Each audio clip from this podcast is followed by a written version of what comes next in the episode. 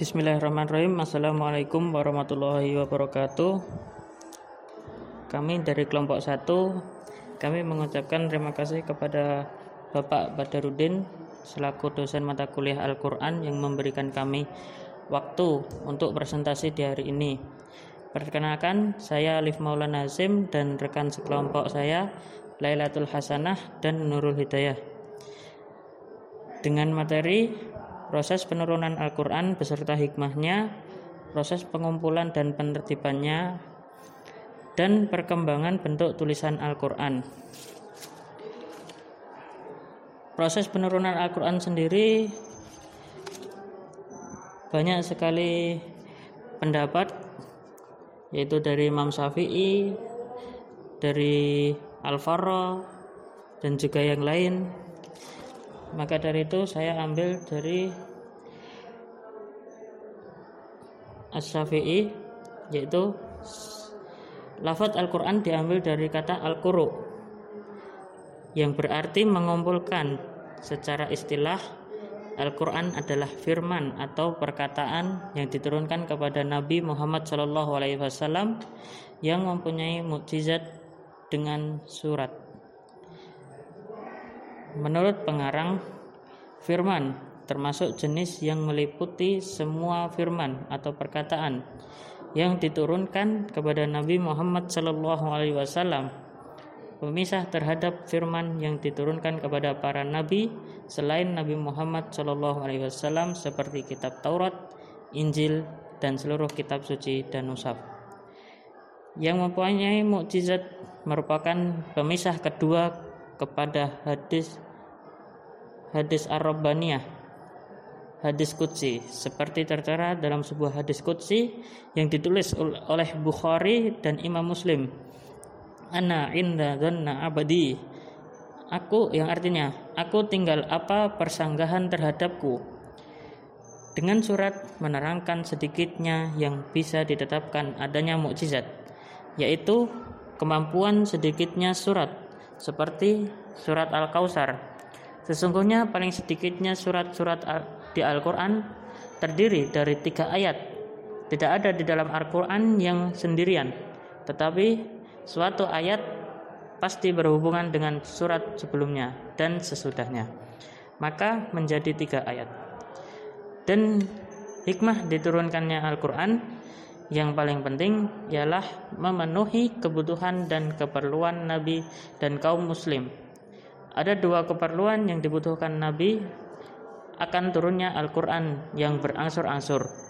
Yang pertama, meneguhkan hati Nabi karena setiap turun disertai dengan suatu peristiwa tertentu. Yang kedua, mudah dalam menghafalnya. Demikian juga ditegaskan oleh Allah Subhanahu wa taala kami kami turunkan wahyu secara terpisah dan berangsur-angsur untuk memperteguh hatimu hai Muhammad. Proses pengumpulan dan penertiban Al-Qur'an. Kenapa Rasulullah Shallallahu alaihi wasallam tidak mengumpulkan Al-Qur'an dalam satu mushaf? Rasulullah Shallallahu Alaihi Wasallam tidak mengumpulkan Al-Quran dalam satu mushaf karena beliau merasa Al-Quran akan ditambah dan ada sebagian yang dihapus bacaannya. Dugaan ini terus bertahan sampai beliau wafat. Selain itu, pengumpulan Al-Quran dalam satu mushaf belum menjadi kebutuhan yang mendesak. Sekalipun Nabi memiliki sekretaris khusus yang bertugas mencatat semua wahyu yang diturunkan kepada Nabi Muhammad SAW. Penulisan Al-Quran dalam satu mushaf seperti sekarang baru terrealisasikan pada masa Khulafa ar-Rasyidin. Namun, keaslian dan keutuhan Al-Quran tetap terjaga dengan baik. Karena Nabi selalu dicek ulang oleh malaikat Jibril setiap bulan Ramadan. Kemudian, para sahabat mengecek hafalannya kepada Nabi Muhammad SAW. Sehingga keutuhan Al-Quran sangatlah terjaga dan sekitar Nabi sangatlah banyak. Lain halnya ketika terjadi peperangan di masa Khulafa ar-Rasyidin, sehingga kebutuhan akan pembukuan Al-Quran semakin terasa. Pengumpulan Al-Quran pada masa Khulafa ar-Rasyidin Pada masa Khalifah Abu Bakar, disibukkan dengan para pembangkang. Dalam penumpasan pembangkang ini, banyak sahabat yang menjadi syahid. Para penghafal Al-Quran semakin menipis jumlahnya akibat perang Yamamah. Para sahabat yang syahid mencapai 40 orang lebih. Umar bin Khattab sangat mencemaskan kelangsungan risalah yang dibawa Nabi Muhammad SAW. Umar dengan inisiatifnya kemudian mengusulkan pengumpulan dan pembukuan Al-Quran kepada Abu Bakar. Awalnya, Abu Bakar keberatan akan usulan ini. Namun, dengan argumen Umar, akhirnya Abu Bakar menerima usulan untuk pengumpulan dan pembukuan Al-Quran. Usaha pengumpulan Al-Quran dimulai dengan mengumpulkan para sekretaris Nabi, terutama Zaid bin Sabit. Walaupun melalui perdebatan panjang dengan Abu Bakar dan Umar, akhirnya Zaid bin Sabit menyetujui tugasnya. Zaid bin Sabit mulai mengumpulkan Al-Quran yang masih berserakan di pelepah-pelepah kurma, kepingan-kepingan batu, dan dari hafalan-hafalan penghafal Al-Quran. Zaid bin Sabit melakukan tugas mulia dan berat dengan hati-hati, sehingga keaslian Al-Quran benar-benar terjaga. Akhirnya, tersusunlah mushaf seperti yang ditugaskan oleh Abu Bakar. Setelah selesai, e, mushaf itu disimpan di rumah Hafsah Ummul Mukminin. Penyebaran umat Islam pada masa Utsman bin Affan semakin meluas terjadi perbedaan cara membaca di daerah-daerah. Mereka mengklaim bacaan mereka berasal dari Nabi. Saat terjadi perang di daerah Armenia dan Azerbaijan dengan penduduk Irak, di antara yang bertempur menyerbu kedua daerah itu adalah Huzaifah bin Yaman. Ia menemukan kegagalan dan kesalahan dalam membaca Al-Quran. Para sahabat Para sahabat khawatir akan terjadi penyimpang Para sahabat khawatir akan terjadi penyimpangan dalam Al-Quran. Para sahabat kemudian bersepakat untuk menyelamatkan umat Islam dengan bacaan yang seragam. Utsman kemudian mengirimkan utusan kepada Hafsah untuk meminjamkan mushaf Abu Bakar. Kemudian Utsman memanggil Zaid bin Sabit, Abdullah bin Zubair, Zaid bin As, dan Abdurrahman bin Haris bin Hisham. Ketiga orang terakhir dari suku Quraisy. Lalu memerintahkan mereka menyalin dan memperbanyak mushaf. Mereka melaksanakan tugasnya dengan sangat baik. Setelah selesai menyalin dan memperbanyak mushaf, Utsman mengirim satu mushaf versi baru ke setiap wilayah dan memerintahkan agar semua mushaf lain dibakar. Ulama berbeda pendapat terkait berapa mus berapa jumlah mushaf yang dikirimkan Utsman ke berbagai wilayah Islam. Imam Abu Amr Ad-Dani berkata, Menurut sebagian besar ulama, Utsman membuat empat salinan mushaf. Satu ia kirim ke Basrah, satu lagi ia kirim ke Kufah, satu lagi ia kirim ke Syam, dan satu sisanya ia simpan. Abu Hatim Asijistani berkata, Utsman menyalin tujuh mushaf. Satu ia kirim ke Makkah, satu lagi ia kirim ke Syam, satu lagi ia kirim ke Yaman, satu lagi ia kirim ke Bahrain, satu lagi ia kirim ke Basrah, satu lagi ia kirim ke Kufah, dan ia simpan satu sisanya di Madinah.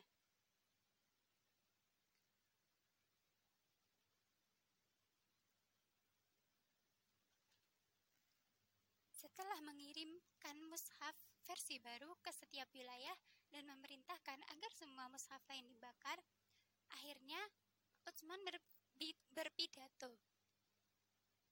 Ketika terjadi perselisihan di antara sahabat Nabi, kalian yang ada di hadapanku telah berselisih paham. Dan salah dalam membaca Al-Quran. Penduduk daerah yang jauh tentu lebih besar lagi perselisihan dan kesalahannya. Bersatulah wahai sahabat-sahabat Muhammad, tulislah untuk semua satu mushaf saja sebagai pedoman. Pidato Utsman disepakati oleh seluruh sahabat Nabi agar umat Islam bersatu dengan memedomani mushaf yang satu. Utsman dapat dikatakan telah menyatukan umat Islam dari ancaman perpecahan dan, dan perselisihan.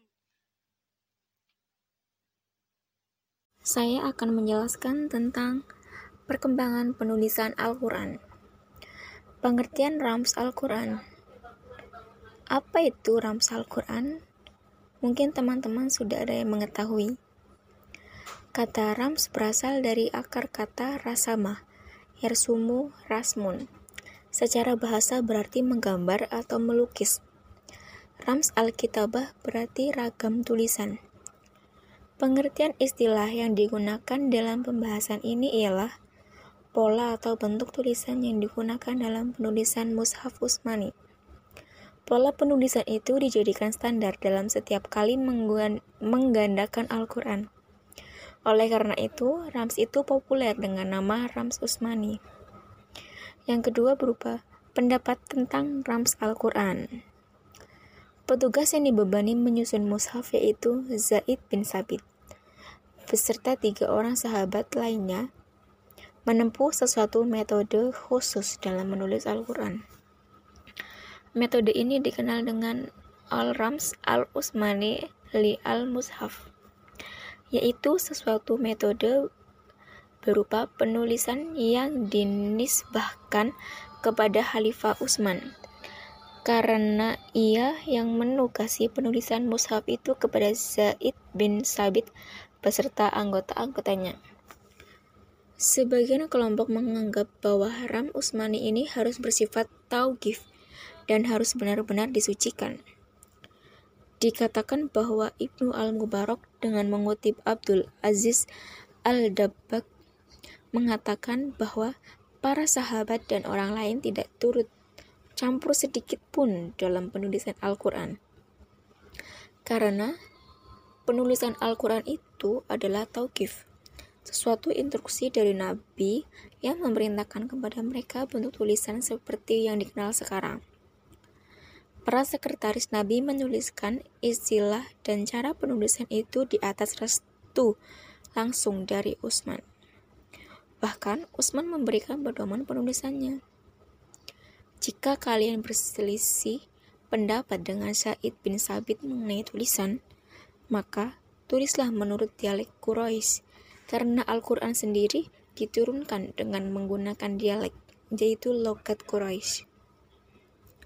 Kelompok kedua berpendapat bahwa Ram Usmani bukan tauhid dari Nabi, tetapi sesuatu penulisan yang hanya disetujui oleh Utsman dan telah diterima baik oleh umat Islam, sehingga menjadi sesuatu keharusan yang mesti diikuti dan tidak boleh dilanggar. Imam Ahmad berpendapat haram hukumnya menyalahi tulisan Mushaf Usmani dalam hal wawu, ya, alif, atau yang lain. Kelompok ketiga berpendapat, Rams Usmani hanyalah istilah. Mengenai tata cara, tidak ada salahnya jika menyalahi. Bila orang telah menggunakan sesuatu rams tertentu untuk imla, dan rams itu tersiar luas di antara mereka. Namun, Kotan lebih menekankan pada pendapat kedua yang dianggap lebih kuat yakni Al-Quran harus ditulis dengan Rams Usmani yang sudah dikenal dalam penulisan mushaf. Rams Usmani adalah bentuk ragam tulis yang telah diakui dan diwarisi oleh umat Islam sejak masa Utsman. Kelestarian Rams Usmani adalah jaminan bagi terpilihnya Al-Quran dari perubahan dan pergantian huruf-hurufnya. Yang ketiga berubah Kaitan Rams Usmani dengan kiroat. Kaitan Rams Usman dan cara membaca sangat erat. Hal ini karena Mushaf Usmani tidak memakai lambang-lambang yang memudahkan dalam membaca seperti yang ada pada sekarang. Mushaf Usmani tidak dilengkapi dengan tanda baca seperti titik dan syakal. Hal ini karena mengikuti sifat watak orang-orang Arab yang masih murni, sehingga mereka tidak memerlukan adanya tanda-tanda baca itu. Perluasan Islam dan adanya hegemoni dengan non-Arab menyebabkan adanya kerusakan bacaan, terutama bagi mereka yang di luar suku Arab. Karenanya, perlu adanya tindakan preventif agar kesalahan dalam membaca mushaf tidak menyebar luas. Para ulama berselisih pendapat mengenai siapa pelopor usaha perbaikan itu. Abu al Abu al Aswad al Duali diyakini oleh banyak ulama sebagai peletak dan pelopor yang menetapkan dasar-dasar bahasa Arab atas permintaan Ali bin Abi Thalib. Al-Suyuti menyebutkan bahwa Abu al-Aswad al-Duali adalah orang pertama yang melakukan usaha perbaikan itu di atas perintah Abdul Malik bin Marwan bukan atas perintah sih ya. Pada mulanya, perbaikan Rams Usmani itu hanya pada syakal berupa titik. Fathah berupa satu titik di atas awal huruf, Domah berupa satu titik di atas huruf akhir, dan Kasroh berupa satu titik di bawah awal huruf. Kemudian terjadi perubahan penentu harokatnya berasal dari huruf, dan itulah yang dilakukan oleh Al-Khalil. Perubahan itu ialah fathah dengan tanda sempang di atas huruf. Kasro sempang di bawah huruf, domah wawu kecil di atas huruf, dan tanwin dengan tambahan tanda serupa. Alif yang dihilangkan dan diganti. Pada tempatnya dituliskan dengan warna merah. Hamzah yang dihilangkan ditandai hamzah merah tanpa huruf. Pada na dan tanwin sebelum ba diberi tanda iklab warna merah.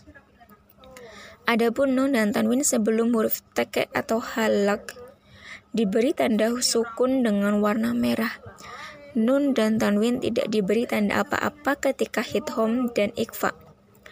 Ketika huruf yang harus dibaca sukun atau mati, diberi tanda sukun dan huruf yang diithomkan tidak diberi tanda sukun tetapi huruf yang sesudahnya diberi tanda syaddah kecuali huruf ta sebelum ta maka maka sukun tetap dituliskan pada abad ketiga Hijriah terjadi perbaikan dan penyempurnaan Ram Usmani dengan memberikan tanda-tanda dan rumus-rumus. Tanda wakaf lazim, wakaf mamnu, wakaf jais, wakaf jais tetapi wasolnya lebih utama, wakaf jais tetapi wakafnya lebih utama, wakaf muanako yang bila telah wakaf pada suatu tempat maka tidak dibenarkan. Wakaf di tempat lain. Diberi tanda.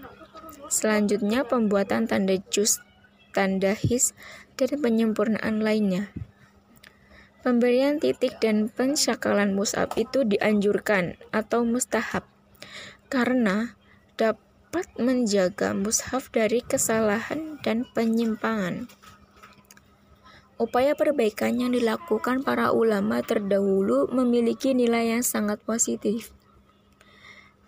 Tidak dapat dibayangkan bagaimana sulitnya belajar membaca Al-Quran bila tidak diadakan perbaikan untuk mempermudah. Apabila perbaikan tidak dilakukan dan Rams Usmani dibiarkan apa adanya, maka beban um, beban umat Islam khususnya non-Arab sangat berat. Bagaimana tidak? Sedangkan perbaikan-perbaikan yang memudahkan belajar membaca Al-Quran telah diupayakan dan masih banyak kesulitan yang mempelajarinya dan masih banyak orang yang belum bisa membacanya.